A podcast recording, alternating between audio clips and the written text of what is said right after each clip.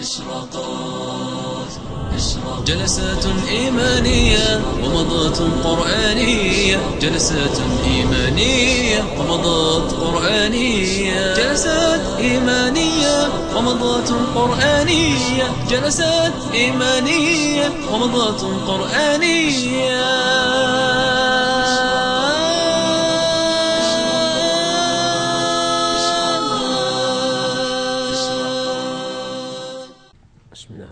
الرحيم.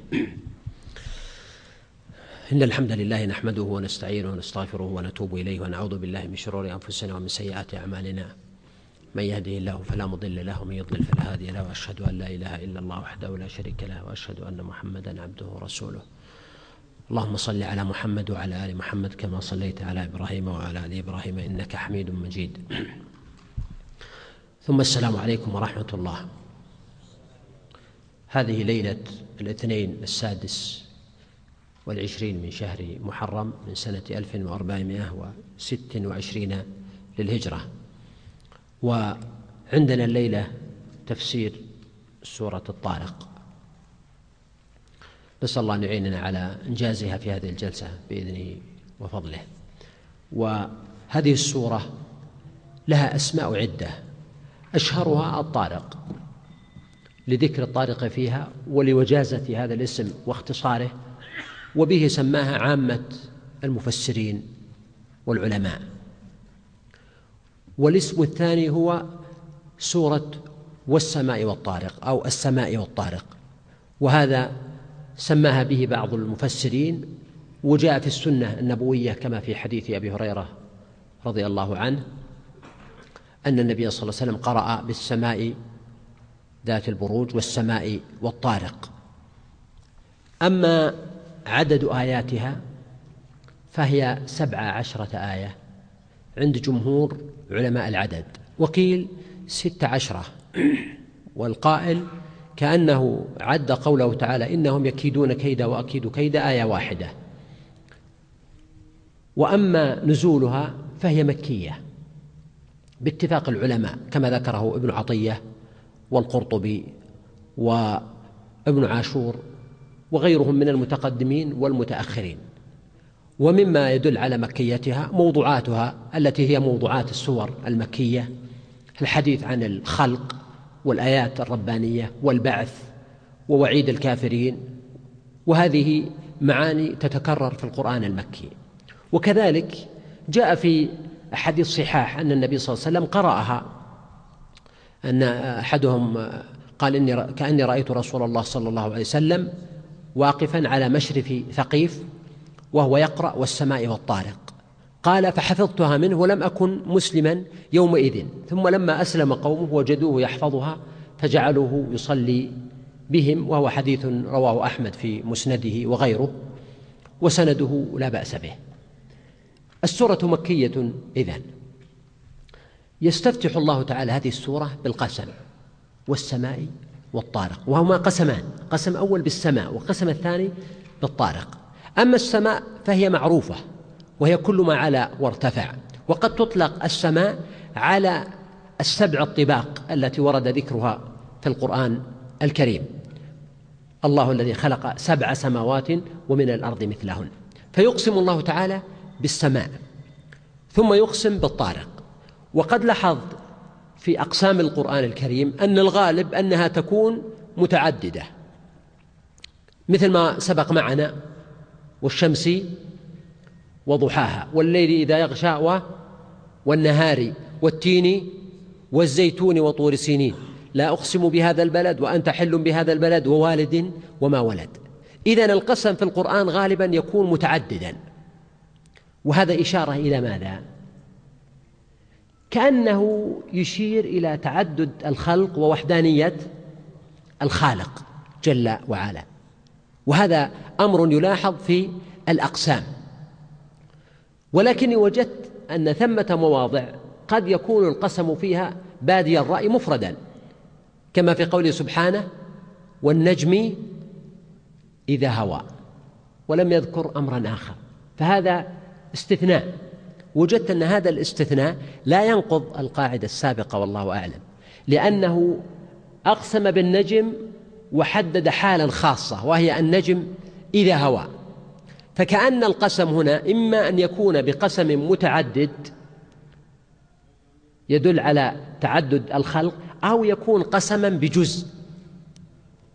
فهن لم يقسم بالنجم كله وإنما أقسم بالنجم في حالة كونه يهوي وهذا ليس عاما للنجوم كلها وإنما خاص بالنجم الذي يهوي وهو الشهاب الثاقب. إلا من خطف الخطفة فأتبعه شهاب ثاقب.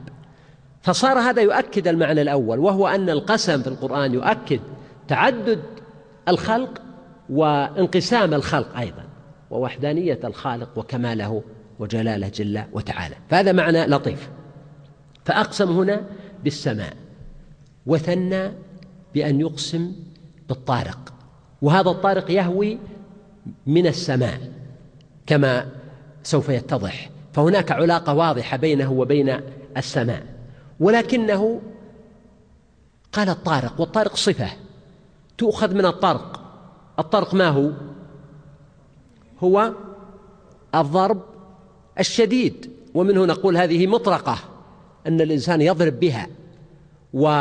وغالبا ما يطلق الطرق في اللغة على الشيء الذي يأتي في الليل. ولذلك في الحديث المتفق عليه يقول الرسول صلى أن النبي صلى الله عليه وسلم نهى أن يطرق الرجل أهله ليلا يتخونهم.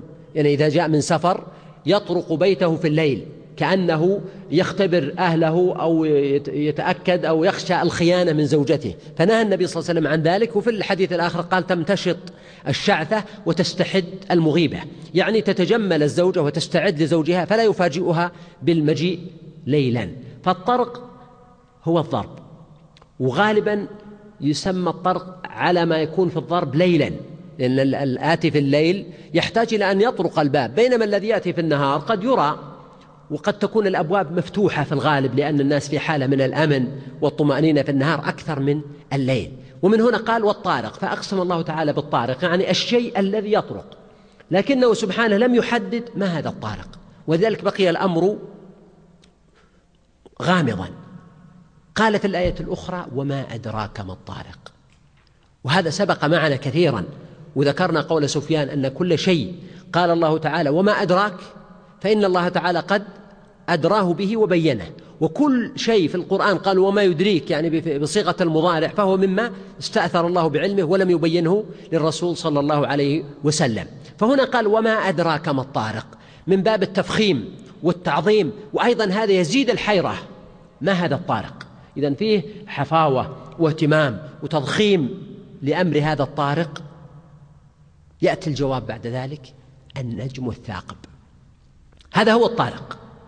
وفي القرآن تجد العناية بالنجوم وتعظيم أمرها حتى قال الله سبحانه وتعالى فلا أقسم بمواقع النجوم وإنه لقسم لو تعلمون عظيم. وذلك لأنها من مظاهر الخلق والإبداع الرباني. وكثير من الناس لو قرأوا في باب الأفلاك والنجوم وغيرها ربما لا يصدقون. حتى إني أذكر مرة أن كان عندي كلمة حول آه، هذا الجانب وجانب الخلق وذكرت في بعض الأرقام وبعض الإحصائيات وبعض المعلومات وبعض المسافات الزمنية التي تعد بالسنوات الضوئية وأشياء هائلة.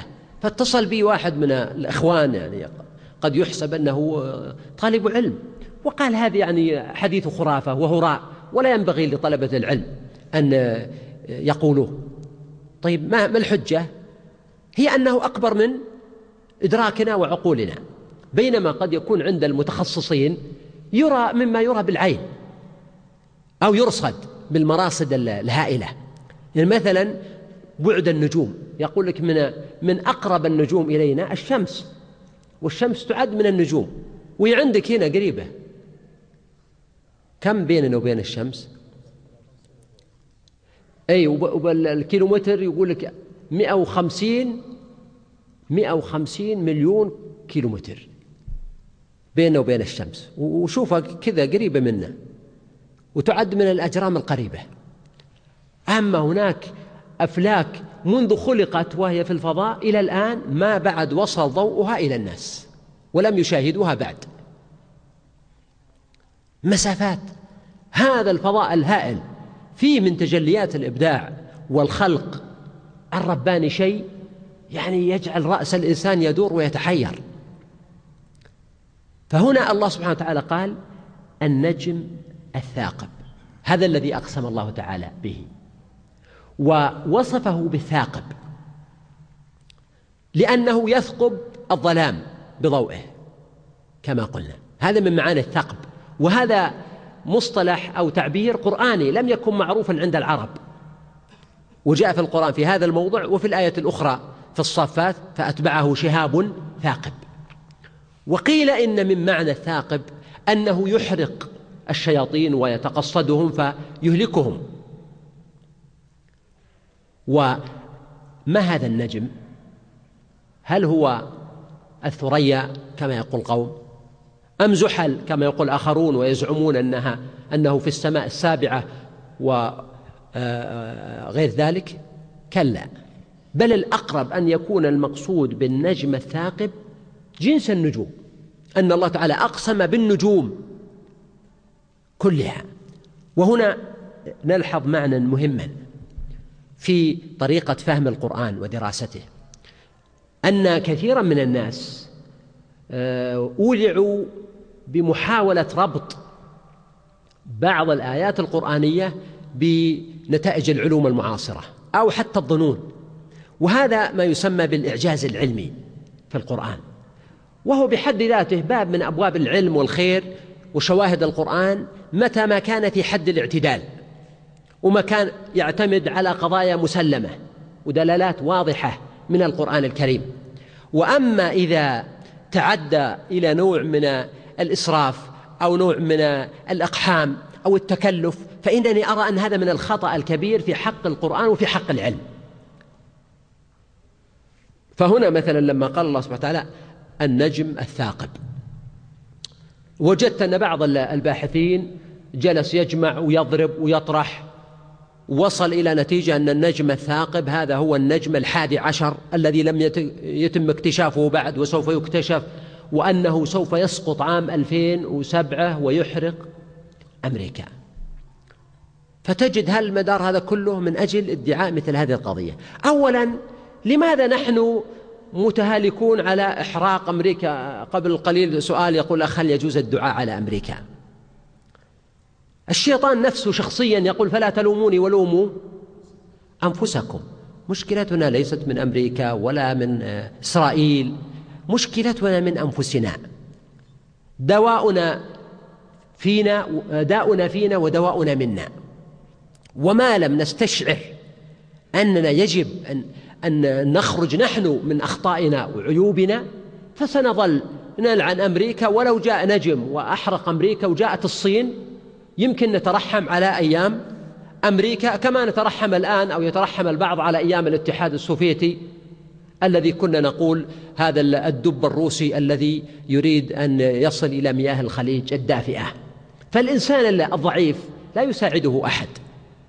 فالمقصود أن المبالغة هنا في قضية الإعجاز والتكلف أنه لا يعني لا يحسن بل هو يسيء إلى معاني القرآن الكريم.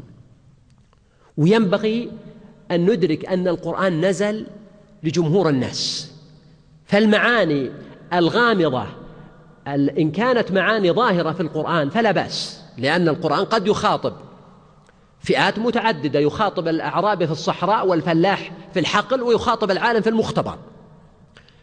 فلا بأس بهذا. لكن إن كان في هذا المعنى نوع من التكلف فالله سبحانه وتعالى خاطب رسوله بقوله وما أنا؟ قل ما أسألكم عليه من أجر وما أنا من المتكلفين. فينبغي أن ننبذ ونطرح التكلف. وسوف نأتي إلى هذا المعنى أيضا بعد قليل في قوله خلق من ماء دافق. أيضا. إذا هنا الله تعالى أقسم بجنس النجوم ووصف النجم بأنه النجم الثاقب وإن كان ثمة من تخصيص للنجم فالأقرب لا نقول أنه الثريا أو زحل وإنما نقول المقصود بالنجم الثاقب هو الذي يهوي كما يراه الناس يشتعل قليلا أو يهوي وهو المذكور في سورة الصافات. فالله تعالى أقسم بالسماء والنجم الذي ينطلق منها أو يتألق في سمائها. أقسم على معنى وهو إن كل نفس لما عليها حافظ. إن هنا ساكنة ومعناها قد يكون معناها النفي يعني ما كل نفس إلا عليها حافظ. أو معناها الإثبات فتكون مثل إن. يعني إن كل نفس لا عليها حافظ وعلى هذا تكون ماء هنا في قوله لما عليها تكون الماء زائدة أو صلة كما يقولون. والمعنى متقارب. يعني الآية تقرر حقيقة وهي أن كل نفس عليها حافظ. فإما أن يكون التقرير هنا جاء بصيغة النفي والإثبات يعني لا يوجد نفس إلا عليها حافظ أو يكون جاء بطريقة الإثبات والتوكيد. إن كل نفس لعليها حافظ. المعنى كما قلت واحد لكن طريقة تقرير هذا المعنى مختلفة. والله تعالى هنا قرر أن النفوس كلها عليها حافظ. قيل هذا الحافظ هو الله تبارك وتعالى. وقد ورد في القرآن هذا المعنى. فالله خير حافظا وهو أرحم الراحمين. وهو حفيظ على العباد. ومن أسمائه الحفيظ سبحانه والحافظ. والأقرب وهو القول الثاني وهو مذهب الجمهور أيضا أن المقصود بالحافظ هنا من؟ الملائكة يعني الحفظة. وهذا أيضا جاء في مواضع كثيرة جدا كما في قوله سبحانه ويرسل عليكم حفظة وكما في قوله عز وجل في سورة الرعد له معقبات من بين يديه ومن خلفه يحفظونه من أمر الله. وكما في قوله وإن عليكم لحافظين كراما كاتبين يعلمون ما تفعلون إلى غير ذلك. إذن فالأقرب أن يكون المقصود بالحافظ الحفظة هنا وهم الملائكة.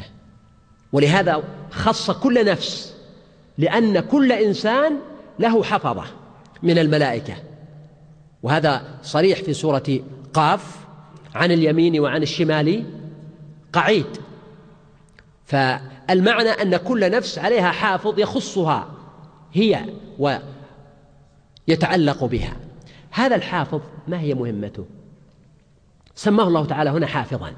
من مهمته أنه يحفظ أعمال الإنسان ويراقبه. والله تعالى أعطى هؤلاء الملائكة الحافظين الكرام الكاتبين القدرة على أن يعلموا كل ما يحتاج إلى علم ومعرفة فيقيدوا حتى مما يكون في ضمير الإنسان فيكتب عليه.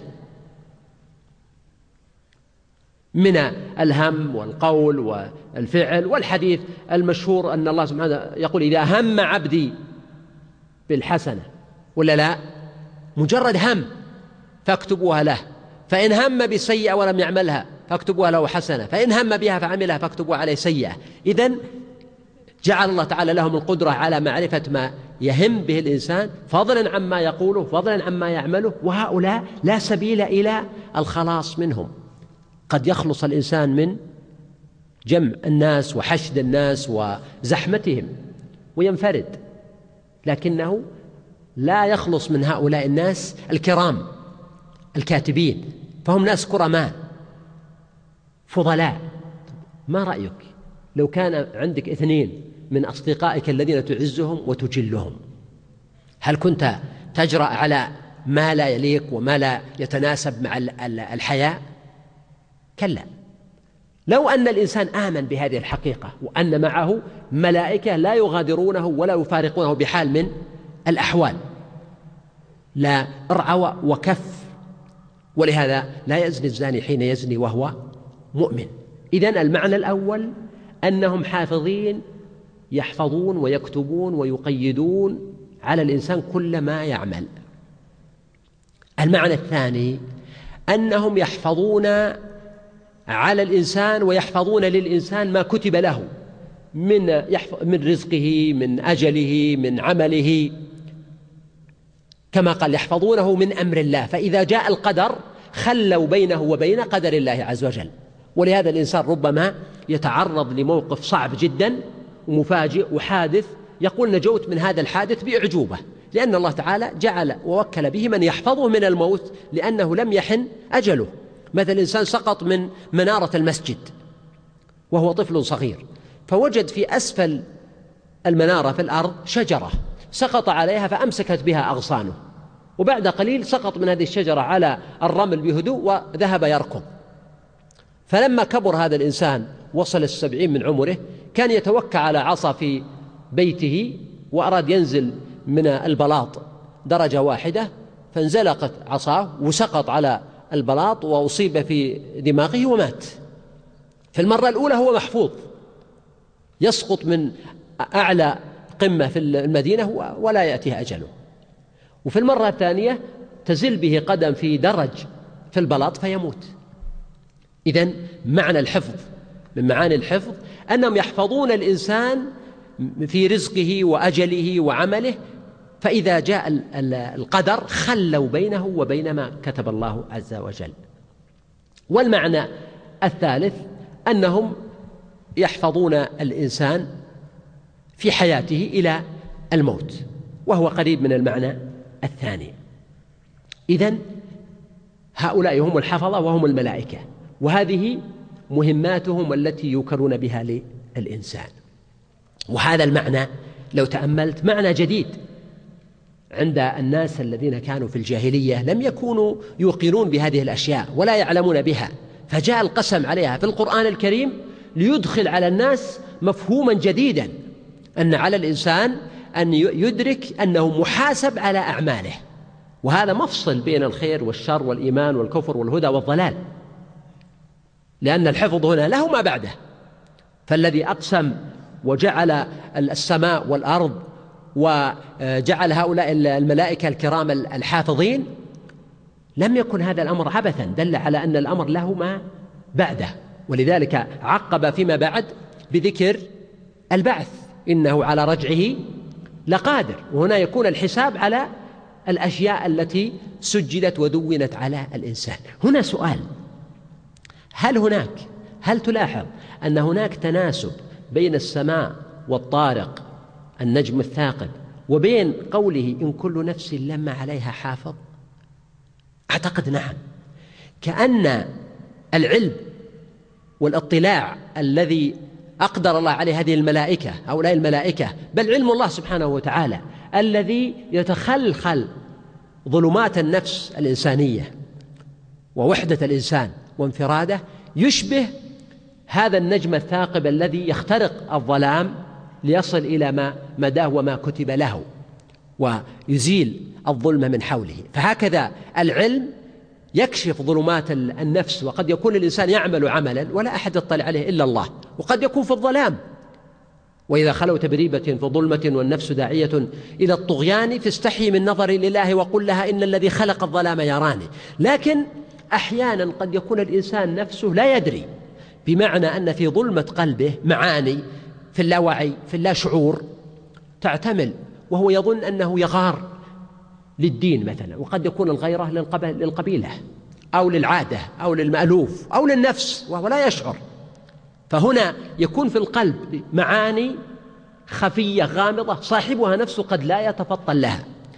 فإذا جاء النص يؤكد أن الأنوار الربانية والملائكية تخترق هذه الظلمات وتطلع على مثل هذه الأمور. كان خليقا وجديرا بالإنسان إلى أن يكون هو مراقبا لنفسه حق المراقبة عارفا بها مدركا لدوافعها ونوازعها. ثم قال سبحانه فلينظر الإنسان مما خلق.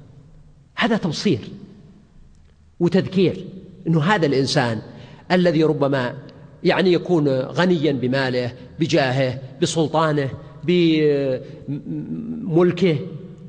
الله سبحانه وتعالى لما بين أن عليه حفظة يكتبون ويسجلون ويقيدون ذكره بأمر آخر يخصه هو أيضا وهو قد يكون كالدليل أيضا لتأكيد هذه المسألة وهي فلينظر الإنسان مما خلق وهذا أمر أمر فلينظر هو فعل أمر يعني فعل مضارع مع اللام يدل على الأمر يعني انظر مما خلقت. والأمر يدل على ماذا؟ يدل على الوجوب. إذا يجب على الإنسان أن ينظر ولهذا نقول يجب على الإنسان أن يتفكر. طيب النظر ها هنا. هل هو نظر العين ولا نظر القلب والعقل والبصيرة؟ لا هو نظر البصيرة. لأن الإنسان ما يستطيع أن ينظر يعني آه، خلقه الأول. فهو يوم خلق ما كان يعي. وإنما المطلوب أن ينظر نظر عقل. وحتى نظر الإنسان للمادة التي خلق منها وهو الماء الدافق. هذا هو نظر اعتبار ونظر تبصر وتعقل لأن الماء الذي يراه يخرج منه مثلا ليس هو الماء الذي خلق هو منه ولكن من جنسه.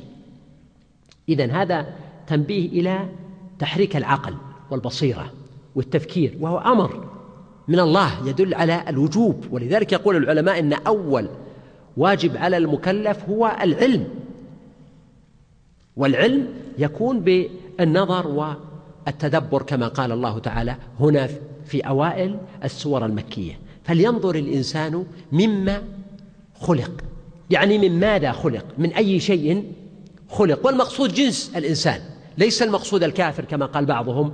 وإن كان النص هنا ربما آه، على الكافر أليق من منطلق أن الآية فيها نوع من التوبيخ والعتاب لهم. لكن الأمر عام لجنس الإنسان أن عليه أن ينظر ويتدبر من أي شيء خلقه. ثم قال سبحانه هنا سؤال مما خلق أو آه، يعني آه، مصدر أو آه، موصول يعني من ماذا خلق؟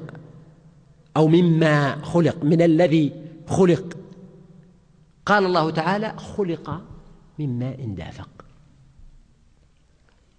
وهذا فيه من جهة إشارة إلى هوان أصل الخلقة. ولهذا قال في الآية الأخرى كلا إن خلقناهم مما يعلمون. يعني من الحاجة اللي هم خابرينه وعارفينها شيء مهين.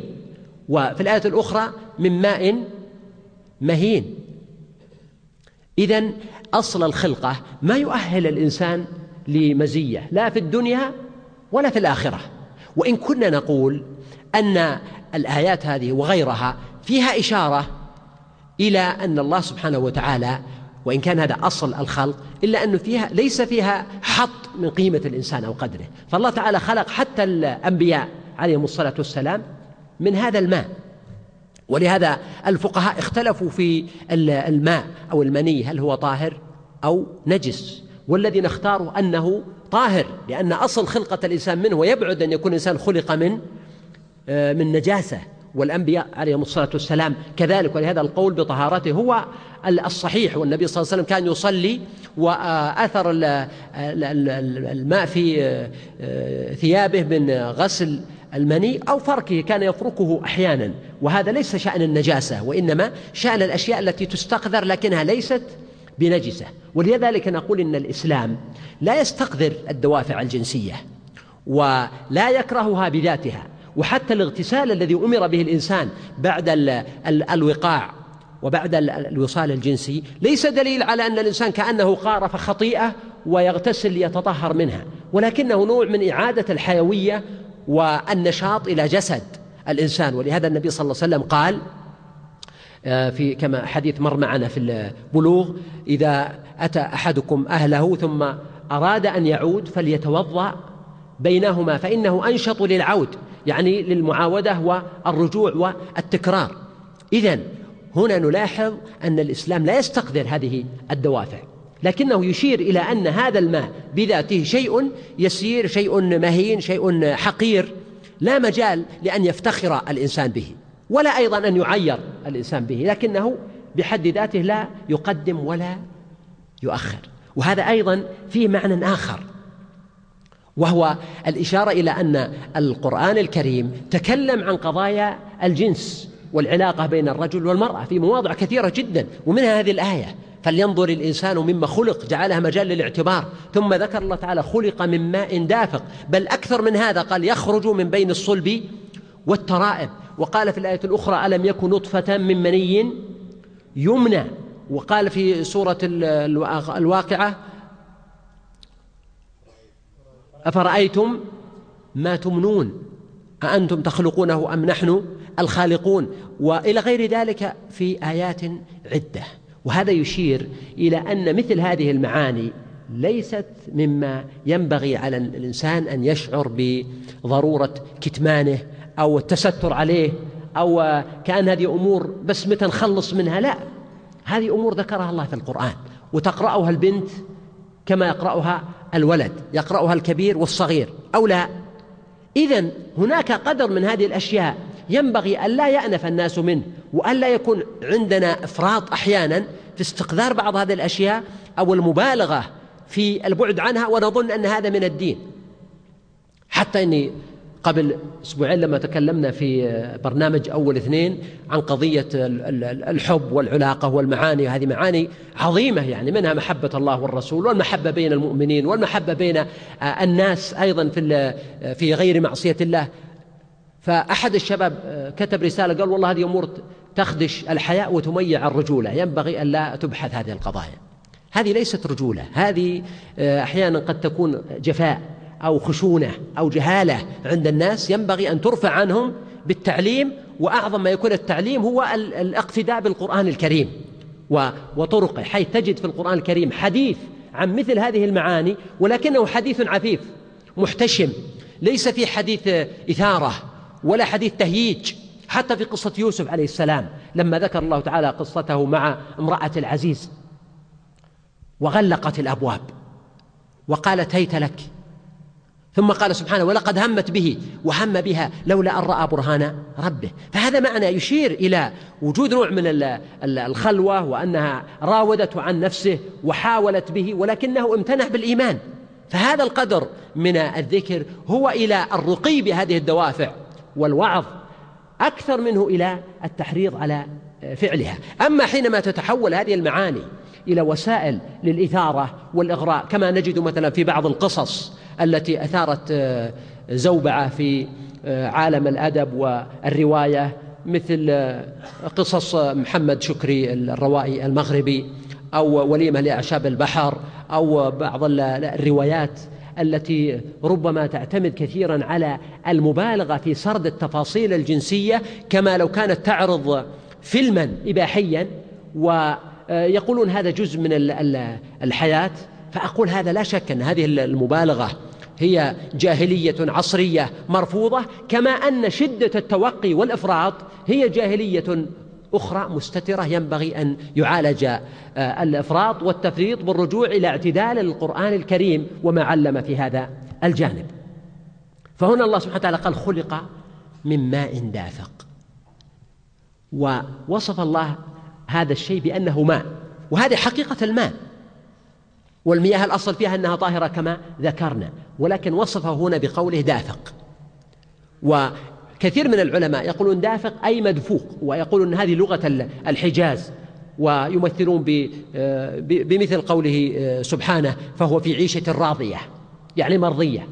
والأقرب كما ذكره ورجحه ابن القيم وغيره أن المقصود هنا دافق فاعل يعني أن الماء دافق بذاته.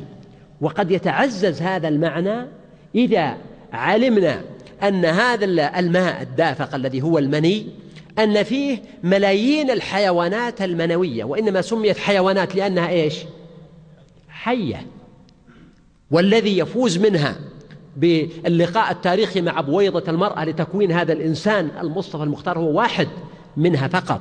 وهذا الحيوان معروف وصفه في طوله ورأسه وذيله. فهذا هذه الحيوانات حية ولذلك عبر بقوله دافق. إشارة إلى وجود الحياة والتسارع فيها بشكل قوي بل منافسة ومسابقة في هذا المجال.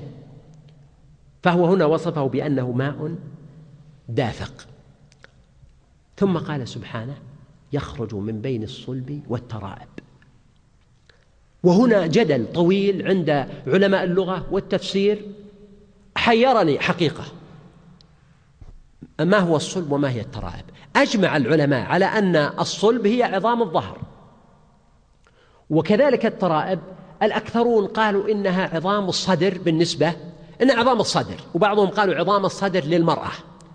فمن هنا كان بعض العلماء السابقين يظنون أن المقصود من صلب الرجل وعظام ترائب المرأة فيظنون أن ماء الرجل يخرج من ظهره وماء المرأة يخرج من صدرها ويبنون على هذا نتائج وظنون وهذا الكلام لا يثبت للنقد العلمي لا الشرعي ولا الطبي والتشريحي فقوله سبحانه هنا يخرج من بين الصلب والترائب. في إشكال.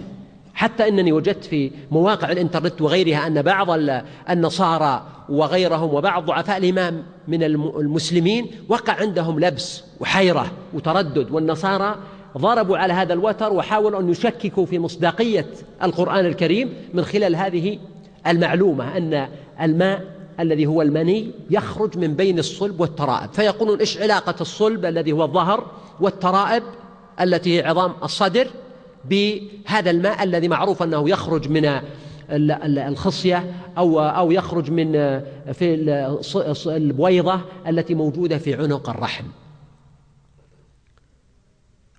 فلما رجعت وقرأت أقوالهم وأنا أميل كما قلت إلى أننا نعلم بأن القرآن من ربنا ولذلك فهو معجز.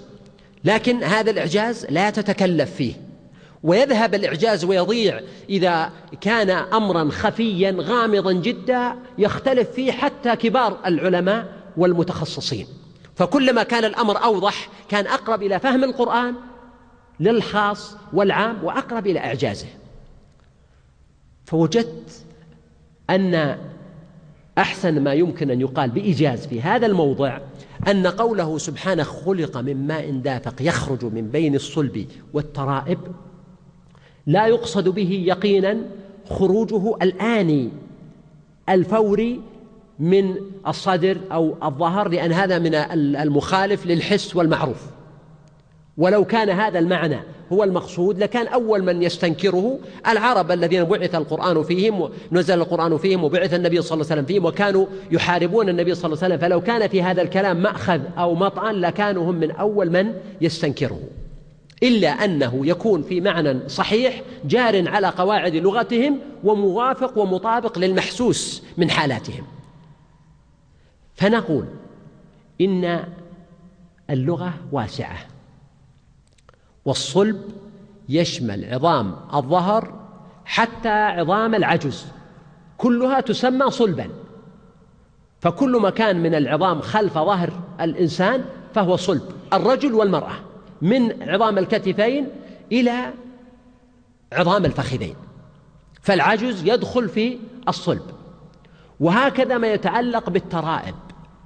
فهي عظام الصدر وموضع القلادة وأيضا عظام آه، ما يتعلق بالأضلاع والعظام في أسفل الباطن في المثانة وغيرها فهي داخلة في عظام الترائب. وهذا ليس غريبا بل إن الضحاك يقول إن الصلب آه، أن الصلب هي عظام الرأس واليدين والرجلين. أو أن الترائب عظام الرأس واليدين والرجلين. إذا المسألة فيها اختلاف. وقد ذكر ابن الجوزي في زاد المسير وابن كثير في التفسير وغيرهم جماعة أربعة أقوال للغويين في تفسير الصلب وتفسير الترائب. وأجود ما يمكن أن نقول ويخرج فيه معنى جميل ويليق بجلالة القرآن وعظمته ويفهمه الإنسان العادي أن المقصود بالصلب عظام الظهر حتى عظام العجز والترائب عظام الصدر حتى عظام الحوض.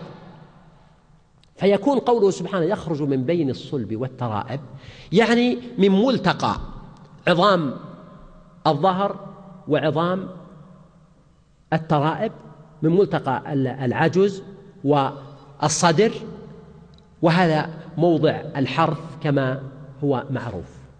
فيخرج ذلك من بينهما. ويكون المقصود عظام الرجل والمرأة على حد سواء. لأن موضع النسل والإنجاب هو في يعني فرج الرجل وفي فرج المرأة.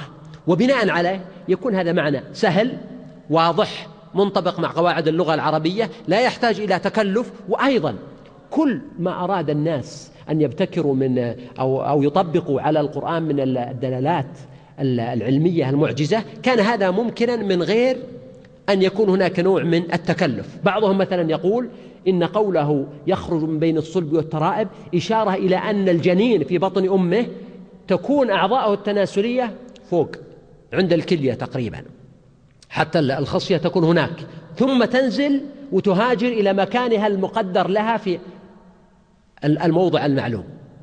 فهذا له وجه. ذكره المراغي وغيره ودندن عليه عدد من العلماء المعاصرين. لكنني لا أرى أن هذا معبر تعبيرا بليغا عن معنى الآية لأنه قال يخرج يعني الماء من بين الصلب والترائب ولم يقل إن العضو الذي يكون منه الماء يخرج من بين الصلب والترائب. فالأقرب هو أن نقول إن الماء يخرج من بين الصلب والترائب كما ذكرنا. من ملتقى هذه العظام وأن الصلب عظام الظهر كلها حتى أسفلها حتى أسفلها والترائب عظام الصدر كلها حتى أسفلها. إنه على رجعه لقادر. سبحانه.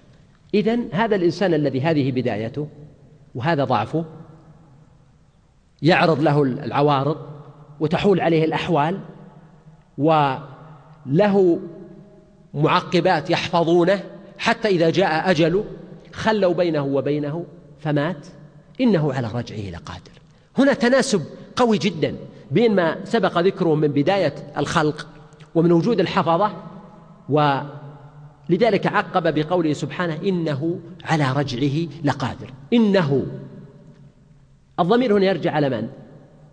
على الله بلا خلاف لأنه وإن لم يكن لفظ الجلالة مذكورا في السورة إلا أنه معلوم في الأذهان.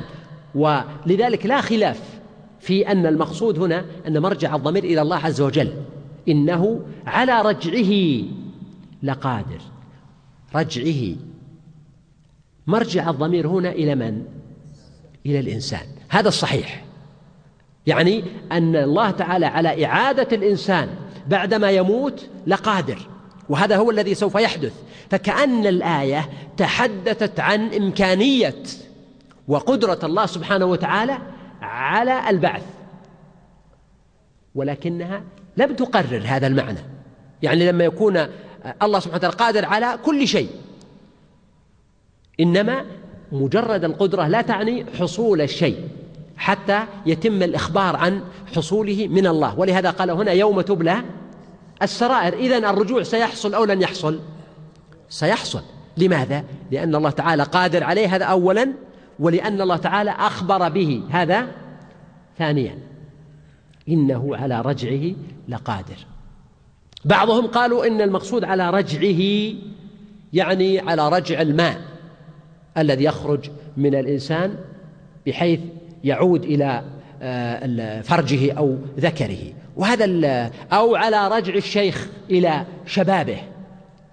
وهذه ذكرها غير واحد وردها عدد من العلماء والمفسرين كالإمام ابن القيم والشيخ ابن سعدي وغيره وغيرهم. وهو الصحيح أن هذه المعاني وإن كانت معاني صحيحة بذاتها لكنها ليست هي المقصودة في الآية. فالمقصود في الآية أن الله تعالى على رجع وإعادة الإنسان للحياة بعد موته لقادر. ولذلك قال بعدها يوم تبلى السرائر وهذا صريح في أن المقصود البعث. يوم يعني رجوع الإنسان هو في ذلك اليوم الذي تبلى فيه السرائر جمع سريرة وتبلى يعني تختبر وتكشف وتظهر. وهنا تلاحظ تناسبا كبيرا بين قوله قبل قليل إن كل نفس لما عليها حافظ. فهذه الكتب المطوية المدونة المسطرة المسجلة كما قال الله سبحانه وتعالى وكل شيء فعلوه في الزبر. ما هي الزبر؟ الكتب المكتوبة. وكل صغير وكبير مستطر إيش معنى مستطر مسطور مكتوب سطور يعني. إذن هذه الكتب والزبر المسطورة المكتوبة المزبورة تكتب الآن بواسطة الحافظين. ويوم القيامة تبلى السرائر فتظهر هذه الأشياء وتكشف للناس. والأسرار السرائر جمع سريرة والمقصود بها هنا معنيان. المعنى الأول الأفعال السر التي فعلها الإنسان سرا دون أن يراها الناس. والمقصود الثاني السرائر يعني النيات والمقاصد بحيث أن الإنسان قد يعمل عملا في ظاهره أنه خير لكن مقصده فيه سيء فتبلى السرائر وتظهر وتسود وجوه وتبيض وجوه كما ذكر عز وجل. قال فما له من قوة ولا ناصر. فما له. من هو؟ هو الإنسان. من وين تجيه القوة والناصر؟ ما دام أنه خلق من إيش؟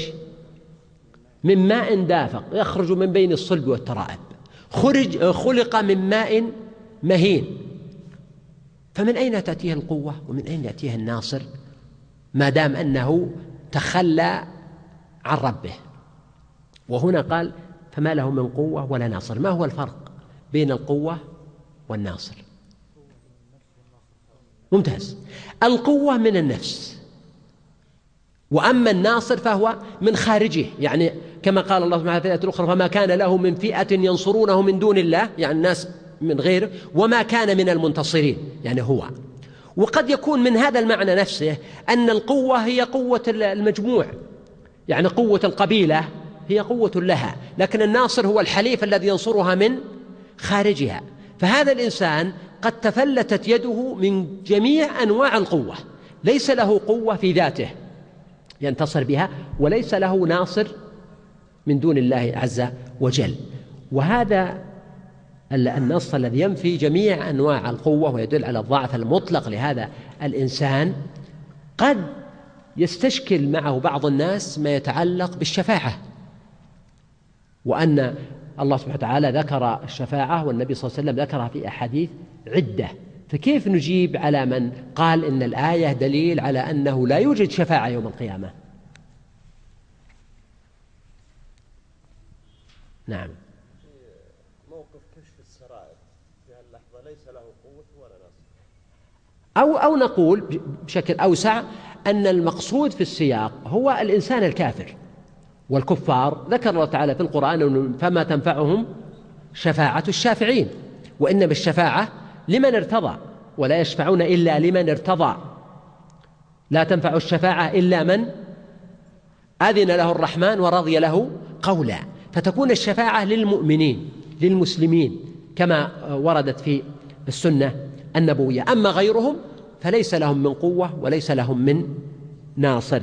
وهنا لا آه، طبعا الغالب أن المقصود الإنسان الكافر. نعم بس السياق يعني الإنسان الذي ليس له قوة يعني هذا نوع من حتى حتى لو قلنا أنه المقصود جنس الإنسان في الدار الآخرة. المقصود جنس الإنسان أنه ليس له من قوة ولا ناصر. نقول يعني إلا بإذن الله فيستثنى من ذلك الشفاعة وغيرها مما ورد.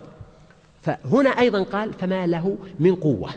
والعرب عادة يعتبرون أنه إذا جاء نفي مصحوب بمن فهو يستغرق مطلق النفي. يعني كأنه يقول ليس له أدنى قوة ولا أدنى ناصر. فهو أقوى في النفي من لو مما لو قال مثلا فما له قوة ولا ناصر. فمجيء من تعني نفي كل ألوان القوة وكل ألوان النصرة. ثم قال الله سبحانه وتعالى والسماء ذات الرجع والأرض ذات الصدع. هذا قسم جديد. وهو أيضا كما تلاحظ قسم ثنائي. فأقسم الله تعالى بالسماء وأقسم بالأرض. ووصف السماء بأنها ذات الرجع. الرجع يحتمل أن يكون المقصود المطر الذي ينزل مرة بعد أخرى في كل سنة وفي كل عام فهو يرجع للناس ويحيي الله تعالى به الأرض بعد موتها. وهذا كثير ما يربط بالبعث ويكون دليل على القدرة وتذكير الإنسان بأنه كما أن الأرض تموت ثم تحيا فكذلك المطر يحيي الله تعالى كذلك البشر يحييهم الله تعالى بعد موتهم. ولكن هنا في مناسبة أيضا خاصة. في ذكر في أول السورة حينما قال خلق من ماء دافق يخرج من بين الصلب والترائب هنا قال والسماء ذات الرجع والأرض ذات الصدع. فهناك تناسب قوي جدا بين السماء والطارق والنجم الثاقب الذي هو يثقب الضوء الظلام بضوئه. وبين الإنسان الذي خلق من ماء دافق. هنا تلاحظ السماء والأرض وتلاحظ الذكر والأنثى. ولهذا قال بعض المفسرين أنه أنه قرن السماء هنا بالذكر والأرض بالنبات. وهذا أيضا معنى قرآني. في القرآن الكريم الله عز وجل يقول نساؤكم حرث لكم فأتوا حرثكم أن شئتم. فالأرض المرأة تشبه بالأرض لأنها موضع للحرث وموضع للنبات وموضع أيضا للاستقرار فالأرض قرار والمرأة قرار وسكن أيضا. وكذلك الرجل بالنسبة للمرأة هو سماء فهو عز لها وشرف وسمعة وحفظ وستر. وهنا الأرض لها مهمة والسماء لها مهمة. يعني لا يدخل الإسلام كثيرا في الإفراط في المفاضلة بين الرجل والمرأة مع أن الإسلام يقرر فضل جنس الرجال على جنس النساء وللرجال عليهن درجة. لكن للنساء فضائل لا توجد للرجال ولهن خصائص وأحكام تتميز عن الرجال. فالذين ينادون الآن كما يسمى في آه، مؤتمرات السكان في الأمم المتحدة وثقافة الجندر التي يعتبرون أن التمييز بين الرجل والمرأة أنه تمييز عنصري. وأن الرجل والمرأة مخلوق واحد لا فرق بينهم. هذا معاندة للشرع ومعاندة للفطرة أيضا والواقع فإنه حتى جسد المرأة وإمكانياتها وظروفها والحمل والحيض والوضع والطبيعة النفسية للمرأة ومختلفة تماما عن الرجل. فالعناية بالمرأة هو أن تكون في مجالها وطبيعتها التي تتناسب مع ما خلقت له والرجل كذلك وليس الذكر كالأنثى. وهذا لا يعني الإزراء بالمرأة واعتبار أنها دائما في محل الضعة والضعف والإزدراء وإنما السماء لا سماء بغير أرض ولا أرض بغير سماء. فهناك تكامل في العلاقة بين الرجل والمرأة وهناك تواصل وهناك انسجام وليس تعاند أو اختلاف أو حرب.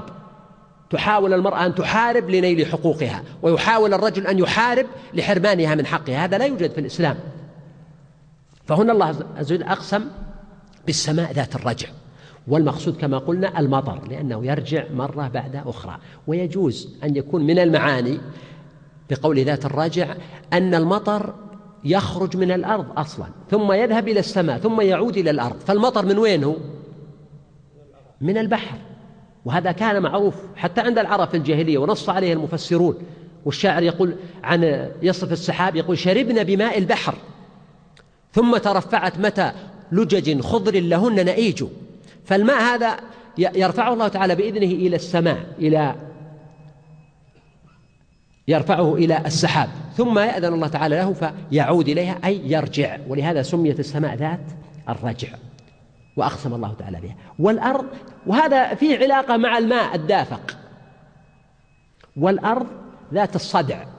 وهذا أيضا فيه علاقة مع دور المرأة التي تستقبل آه، هذا الماء والتي آه، أيضا تتصدع بالنبات الذي هو الإنسان. وهذه أيضا كرامة للمرأة. فالأنبياء هم آه، يعني ولدتهم أمهات وقامت عنهم نساء. فهنا الله عز وجل أقسم بالأرض ذات الصدع والمقصود بالصدع أنها تنصدع تنشق عن النبات. أقسم الله بهما إنه لقول فصل. وما هو بالهزل؟ إذا هنا تناسب بين ظلام يشق بالكوكب والنجم الثاقب وبين الأرض التي يشقها المطر ثم يخرج منها النبات وبين المرأة التي هي موضع الحرث والتي تلتقي مع الرجل في هذه الصلة وهنا يتبين فضل الإنسان المخلوق. لأنه بالنسبة للسماء والأرض هي عبارة عن جمادات مسيرة. ولكن بالنسبة للذكر والأنثى فهم مخلوقون لهم إرادة واختيار. ولذلك تجد إشارة الله سبحانه وتعالى في القرآن لما قال هن لباس لكم وأنتم لباس لهن. فجعل أنه المرأة لها دور مثل ما للرجل وليست مثل الأرض. توضع فيها البذرة ثم تنمو بدون أن يكون لها آه، إرادة وإنما مجرد حظن لها. لا هو أمر يختاره الرجل وتختاره المرأة. فأقسم الله تعالى بالسماء ذات الرجع والأرض ذات الصدع إنه لقول فصل. إنه ما هو؟ القرآن هذا أحسن ما يقال وعليه جمهور المفسرين وبعضهم يقول الكلام السابق ونقول الكلام السابق من القرآن ولكن المقصود إنه يعني القرآن. لقول فصل فصل فاصل ولهذا الله عز وجل قال وآتيناه الحكمة وفصل الخطاب. قول فصل يعني يفصل بين الحق والباطل والخطأ والصواب ويصل إلى مفاصل ومقاطع الأمور. وهذا القسم الرباني على القرآن إنه لقول فصل. دليل على أن القرآن الكريم محتوي على لباب المعاني والأحكام والأصول والقواعد التي يحتاج الناس إليها.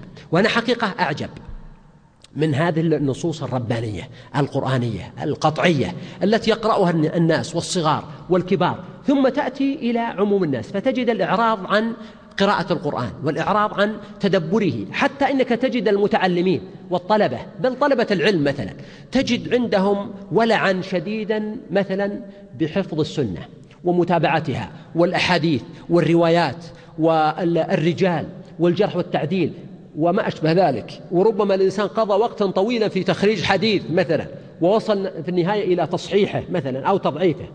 بينما هذه المعاني المبثوثة المبذولة السهلة التي في المتناول من معاني القرآن الكريم وإرشاداته وأوامره ونواهيه وتوجيهاته تجد الغفلة عنها. حتى أنك تبحث أحيانا في الدروس العلمية في الدورات في جداول الحلقات تبحث عن درس في التفسير فلا تجد.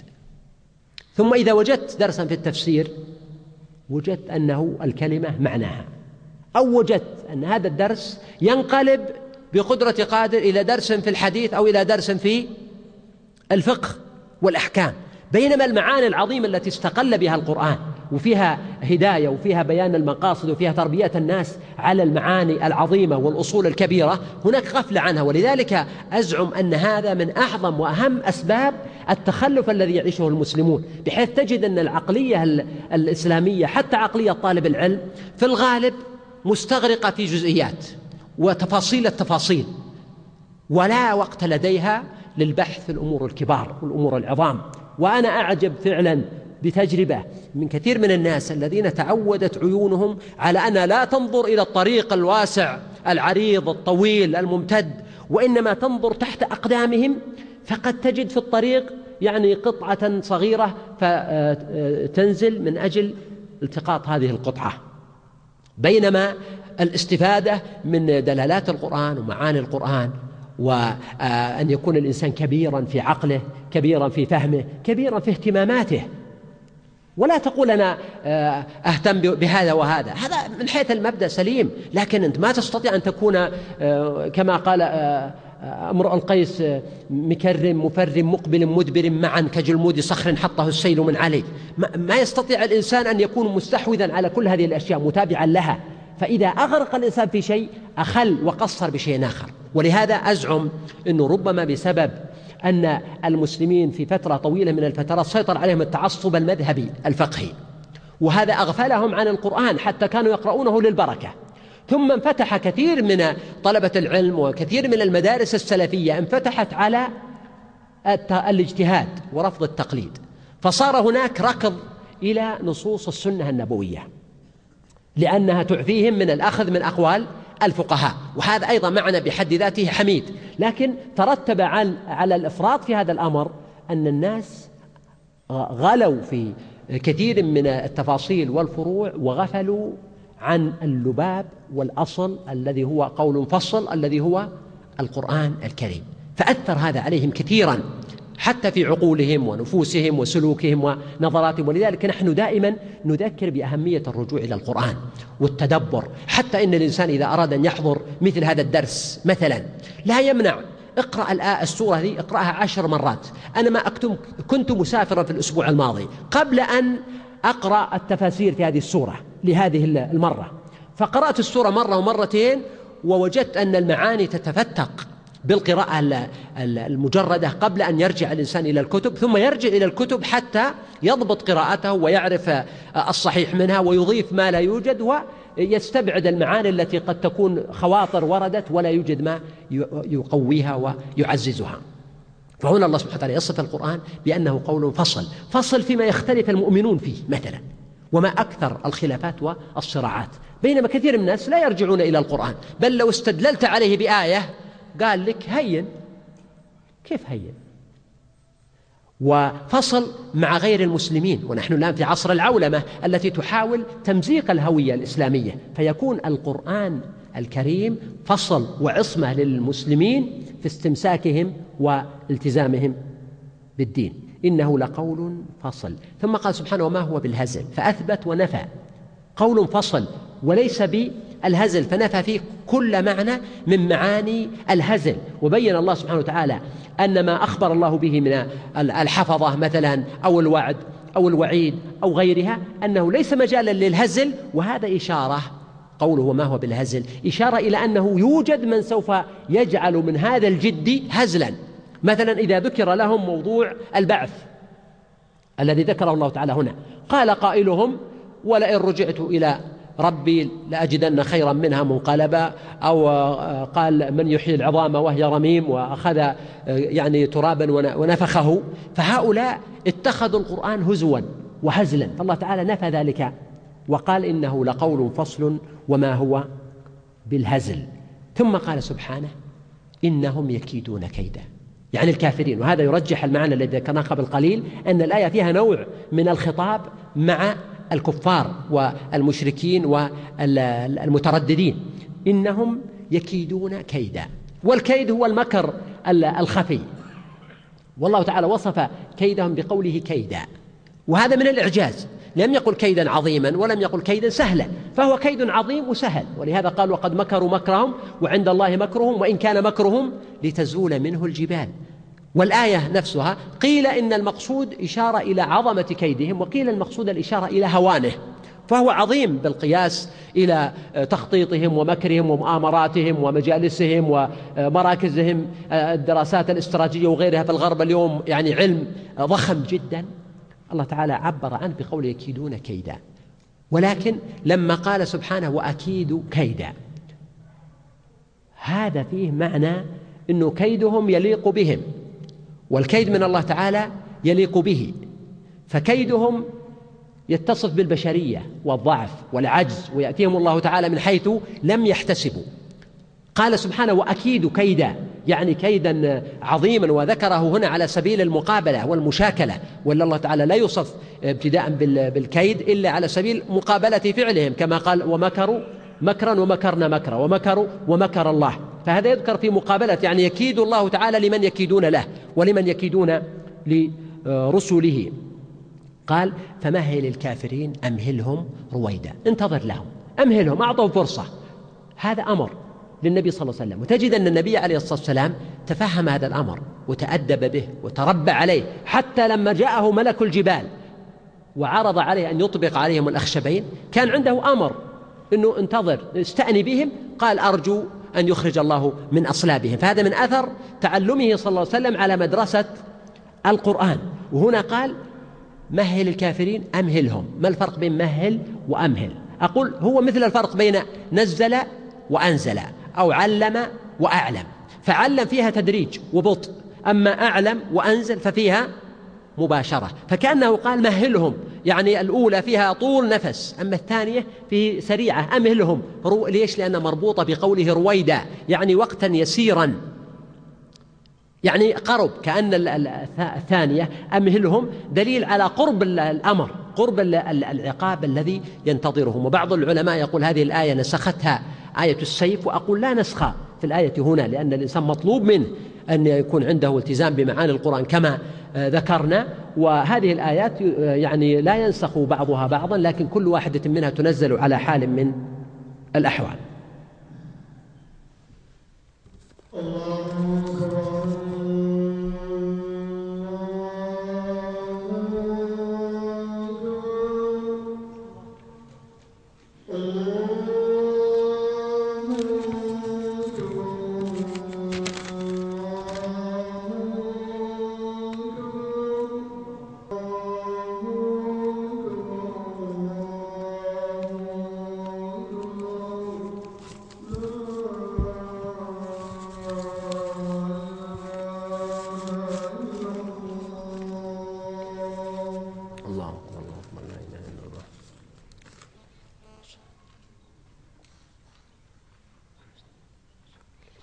هذا يقول أرجو الإفادة حول الانتخابات وحث الشباب على المشاركة وها هم قد سمعوك وأنا أقول بصراحة للإخوة ينبغي أن يكون فيه مشاركة في التسجيل ومشاركة في من يؤنس نفسه بقوة في الانتخاب وأن يكون هذا تدرب ليس على التعصب والصراع وإنما على المشاركة والإيجابية والفاعلية وأعتقد أن الجميع يدرك أهمية مثل هذه المشاركة.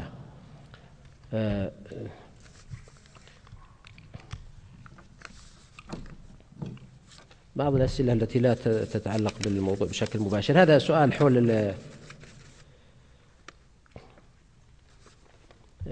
قوله تعالى فما له من قوة ولا ناصر. ذكرنا يعني خلاصة ما في المسألة وفيها يعني مجال للأخذ والرد.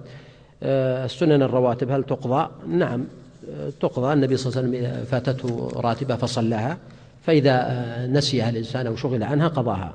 يقول هل سورة الأعلى من قصار المفصل لأنه هكذا كتب على المذكرات. ليس كذلك. المذكرة يمكن كتبت في البداية واستمر الإخوة عليها دون أن آه، يلتفتوا. آه، مشكلتنا مع أنفسنا نعم يعني الأخ يطلب أن يكون هناك حديث مفصل. آه، طبعا هذا موضوع أين الخلل؟ عندي فيه يعني ملفات ولعل يأتي فرصة إن شاء الله للحديث عنه. يقول هناك درس تفسير للشيخ عبد الله الغنيمان يوم الثلاثاء بعد المغرب من كل أسبوع ولا يحضره إلا القليل جدا في هذا المسجد، والله ندعو الإخوة لحضور دروس الشيخ والاستفادة من علمه و آه، يعني تنشيط وتشجيع هذه الدروس. آه، عندنا اليوم إن شاء الله ها يوم الثلاثاء إن شاء الله. نعم. آه، اليوم عندنا في الفقه عندنا الوديعة. الأسبوع الماضي أخذنا السبق والأخ هنا يسأل أحد الأخوة يسأل عن المباريات الرياضية ووضع الجوائز عليها. فالأسبوع الماضي نحن ذكرنا السبق وأحكامه. آه، المباريات الرياضية إذا كانت الجائزة من طرف خارجي فلا بأس بها. و... وأما إذا كانت آه، عن طريق القمار بمعنى أن كل واحد من الفريقين يدفع مالا و... أو أكثر من فريقين حتى. والفائز يأخذه فهذا الذي نرى أنه قمار ولا يجوز. أما ما يتعلق بالوديعة التي عندنا اليوم فعندنا أولا معنى الوديعة مأخوذة في اللغة من ودع وهو بمعنى ترك. كما في قوله تعالى ما ودعك ربك وما قال يعني ما تركك وما جفاك. فالمقصود بالوديعة إذن هو الشيء الذي يتركه الإنسان عند غيره لحفظه وتجمع على آه، ودائع. والمقصود أن يتبرع إنسان بحفظ آه، مال آه، شخص آخر ولا يتصرف فيه إلا بإذنه. والأصل في جواز الوديعة الأصل فيها الكتاب والسنة وإجماع. العلماء. فأما الكتاب فآيات عديدة في موضوع الأمانة كما في قوله سبحانه إن الله يأمركم أن تؤدوا الأمانات إلى أهلها فهذا دليل على والوديعة نوع من الأمانة وهو دليل على آه، جوازها بل على أن هذا قد يكون فاضلا أحيانا كما سوف أشير. وهكذا آه، السنة النبي صلى الله عليه وسلم يقول كما في السنن أد الأمانة إلى من ائتمنك ولا تخن من آه، خانك.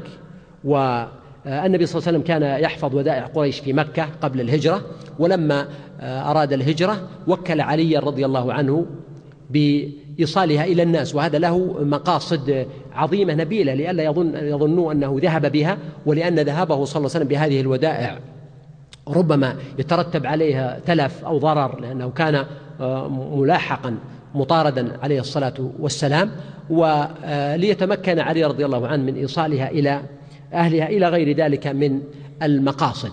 وأما الإجماع فقد أجمع علماء العصور كما ذكر ذلك ابن المنذر وابن عبد البر وابن قدامة وغيرهم على جواز الوديعة.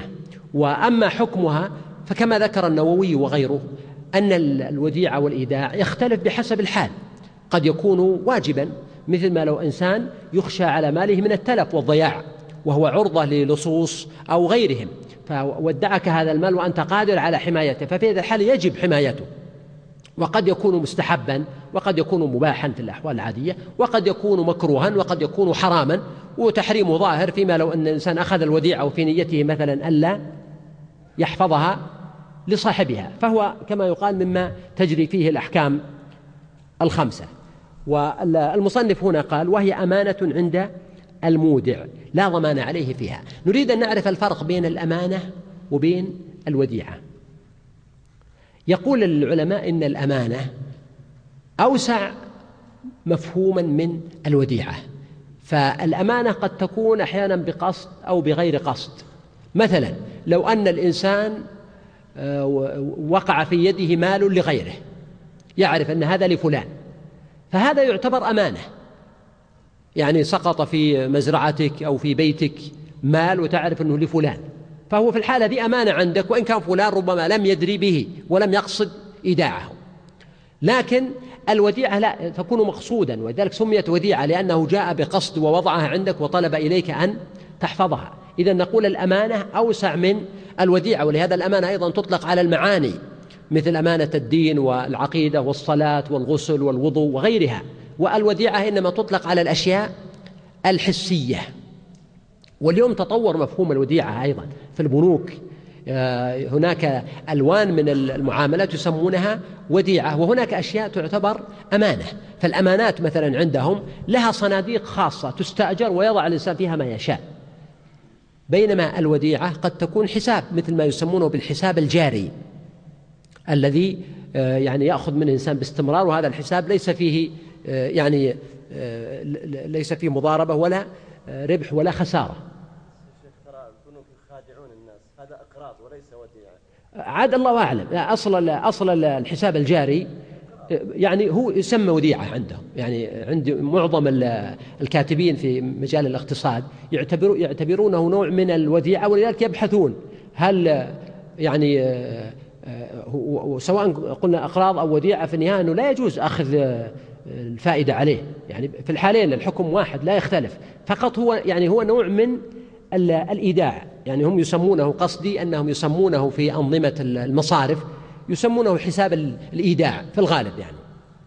طيب إذا المصنف رحمه الله قال وهي أمانة يعني الوديعة عند المودع لا ضمان عليه فيها إلا أن يتعدى.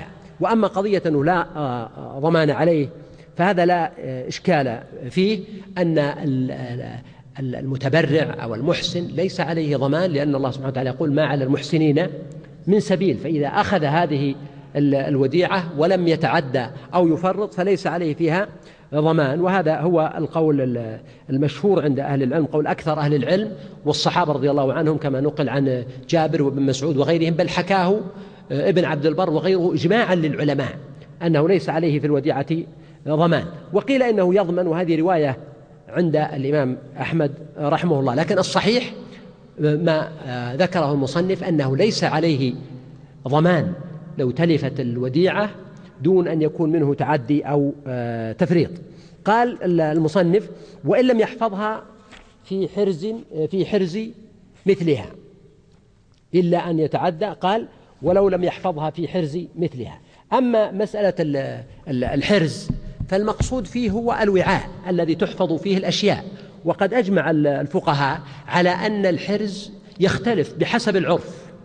فما كان حرزا في زمان قد لا يكون حرزا في زمان آخر وما كان حرزا في بلد قد لا يكون حرزا في بلد آخر. ثم حرز كل شيء بحسبه.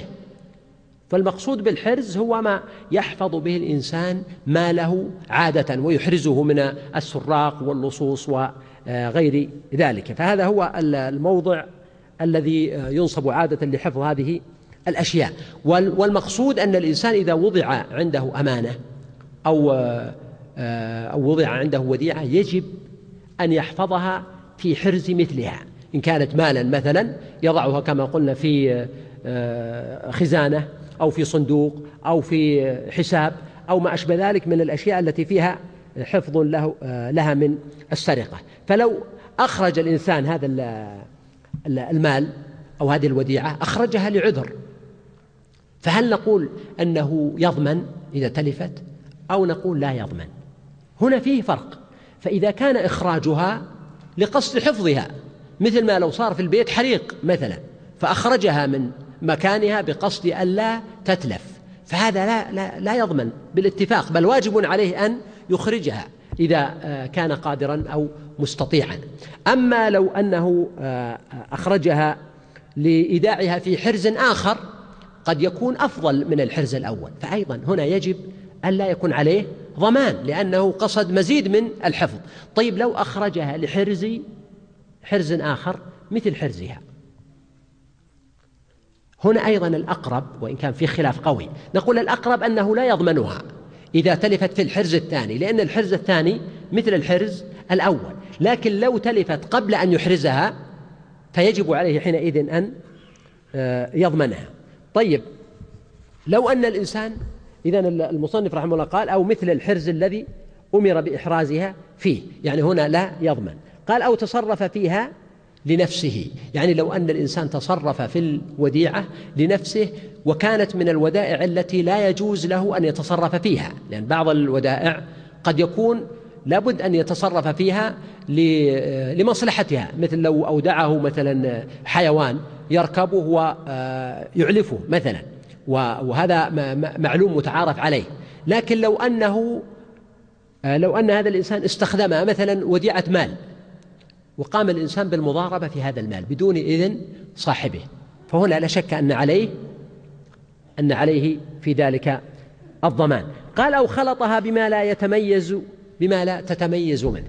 مثل لو أن إنسانا ودعك زيت زيت زيتون أو شيء من هذه السوائل أو قل زبيب أو أي حاجة مادة من المواد. فوضعت أنت هذا الزيت صببته آه، في أواني كبيرة موجود فيها الزيت الذي يخصك والزيت الذي يخص غيرك بحيث لا يتميز هذا الزيت الذي لفلان من الزيت الذي لغيره. هنا انتقل من انتقلت من كونها وديعة مضمونة يعني مطلوب لنفسها إلى كونها ضمان. وضمان ما معناه؟ أن الواجب في ذمتك يعني أن تخرج له بقدر ما أعطاك لأنه لا يمكن فرز ما يخصه هو عما يخص غيره. فهذا معناه أن انتقلت من كونها يد وديعة إلى كونها يد ضمان. أن مطلوبا منه أن يضمن هذا الشيء ويعطيه مثل حقه وليس عين حقه لأنه لا يتحدد ولا يتعين. قال أو أخرجها لينفقها ثم ردها. يعني لو أنه أخرج هذه الوديعة لإنفاقها ثم خطر له ورجع عن هذا الأمر وردها في الحرز أو الكيس الذي كانت فيه. آه، فهنا طبعا يضمن لأنه تصرف فيها. أو كسر ختم كيسها. يعني تكون في كيس قد يكون مالا موضوعا في كيس وله ختم مختوم عليه بحيث طبعا المقصود بالختم مثل الضابط أو الإتقان الذي يمنع من فكه أو من سرقته. هذا المعنى بالختم فإذا كسر الختم فقد تسبب حينئذ في تلفها فيلزمه ضمانها. قال أو جحدها ثم أقر بها. يعني قال لصاحب الوديعة ما عندي لك شيء. ثم بعد ذلك أقر بأنه فعلا عندي لك وديعة. ففي هذه الحالة تصبح الوديعة ضمانا. يعني في ذمته بحيث لو تلفت يلزمه أن يدفعها لصاحبها لأنها أصبحت في ذمته بعدما جحدها. قال أو امتنع من ردها عند طلبها مع إمكانه. يعني قال له هات أعطني الوديعة التي عندك. فقالوا لا لن أعطيكها الآن ولا في الأسبوع القادم تعال لي بعد شهرين. فتلفت خلال شهر أو شهرين يلزمه حينئذ أن يضمنها لأنه مفرط بعدم دفعها لصاحبها حينما طلبها. قال وإن قال ما أودعتني؟ ثم ادعى تلفها أو ردها لم يقبل منه. يعني لو جحد الوديعة.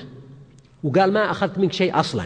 ثم بعد ذلك قال فعلا يعني أنت أعطيتني إياه لكنها تلفت. أو أعطيتني إياها ولكني رددتها عليك. هنا لا يقبل منه لا يقبل منه وتلزم في ذمته لأن جحده لها في البداية وقوله ما أعطيتني ثم اعترف بها فيقبل اعترافه على نفسه ونقضه للجحد الأول ولا يقبل منه ادعاؤه بأنها تلفت أو أنه ردها إلى صاحبها فتصبح في ذمته ويلزمه ردها. لكن هنا فرق بين هذه الحالة وبين لو قال ما لك عندي شيء. شوف الفرق. ثم ادعى ردها أو تلفها. يعني أتيت تقول له أعطني الوديعة التي أعطيتك أنا أعطيتك مئة ألف ريال. فقال ما عندي لك شيء. ثم بعد قليل وفي نفس المجلس قال والله يعني أنا سبق أني رجعتها عليك قبل سنة. أو قال أنه الوديعة اللي أنت أعطيتني تلفت. في الحالة هذه يقبل كلامه أو لا يقبل؟ يقبل. لماذا؟ أول لأنه ما أنكر لأن قوله ما عندي لك شيء. لم يقل إني ما أخذت منك وديعة. يقول ما عندي لك الآن شيء ليس في ذمتي لك الآن شيء. فهو يفسر كلامه بأن مقصوده أن الوديعة تلفت ولم يعد يتوجب في ذمتي لك شيء. ففرق بين هذا وبين ما لو قال بأني لم آخذ منك وديعة أصلا. فهنا يفسر يقبل كلامه لأنه يفسر كلامه المفصل يفسر كلامه المجمل.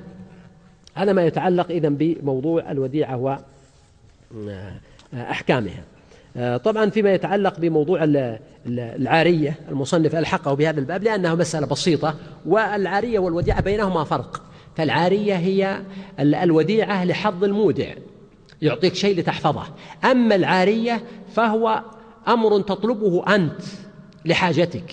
تطلب مثلا أن تستعير مني سيارة أو ماعونا أو كاسا أو فاسا أو أو ثوبا أو ما أشبه ذلك لحظك أنت وتستخدمه. والعارية للاستخدام وليست للحفظ. إذا في فرق أن الوديعة لحظ المودع. والعارية لحظ المستعير. الفرق الثاني أن الوديعة للحفظ وأما العارية فهي ليش؟ للاستعمال. وأيضا العارية الأصل في مشروعية الكتاب والسنة والإجماع في القرآن الكريم قوله تعالى فويل للمصلين الذين هم عن صلاتهم ساهون الذين هم يراءون ويمنعون الماعون. نقل عن المفسرون عن ابن عباس وابن مسعود وغيرهما رضي الله عنهم أن المقصود بقوله ويمنعون الماعون أي يمنعون العارية التي يحتاجها الإنسان وهذا دليل على أن المسلمين يجب أن يكون بينهم من التعاون في الحاجات آه، ما آه، يعني تقوم به أمور حياتهم. فهذا المقصود بالعارية. قال المصنف رحمه الله والعارية مضمونة وإن لم يتعد فيها المستعير. والدليل على آه، ضمان العارية ما ورد في السنة أن النبي صلى الله عليه وسلم قال في حجة الوداع والعارية مضمونة وأيضا آه، والحديث هذا قوله صلى الله عليه وسلم والعارية آه، مضمونة أنه قاله في آه، حجة الوداع رواه أهل السنن وفي سنده أظن إسماعيل بن عياش لم تكن خانتني الذاكرة وفيه ضعف. وأيضا من الأدلة على ضمان العارية أن قصة صفوان لما أخذ النبي صلى الله عليه وسلم منه أدراعا آه، أي نعم فقال آه، غصبا يا محمد. قال صلى الله عليه وسلم بل عارية مضمونة والحديث رواه أهل السنن وأحمد وسنده جيد. فهو دليل على أن العارية آه، تضمن وإن لم يتعد فيها المستعير. يعني ولو لم يكن منه تعدي فإن عليه ضمانها لأنه طلبها أولا بنفسه وثانيا لأنه استعملها واستخدمها. فكما أن الشرع جعل على صاحب الحاجة المستغني عنها أن يعيرها لطالبها فكذلك على طالبها أن يحافظ عليها ويحسن استخدامها وإذا تلفت في يده أن عليه أن آه، آه، يضمنها. نعم قوله صلى الله عليه وسلم العارية مؤداة والمنحة آه، مردودة. والدين مقضي والزعيم غارم. المصنف هنا يقول إسناده جيد. والله تعالى أعلم.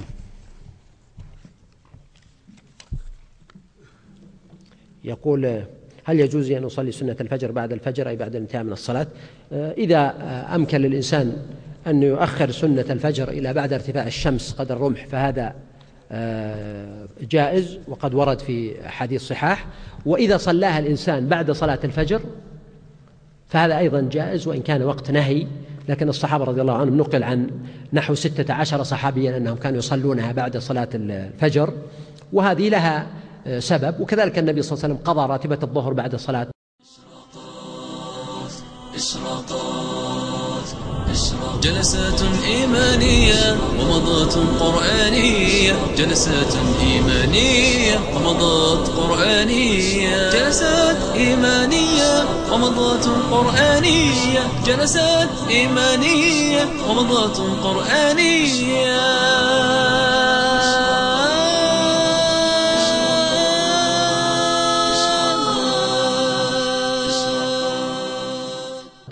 وصلى الله وسلم على نبينا محمد وآله وصحبه أجمعين.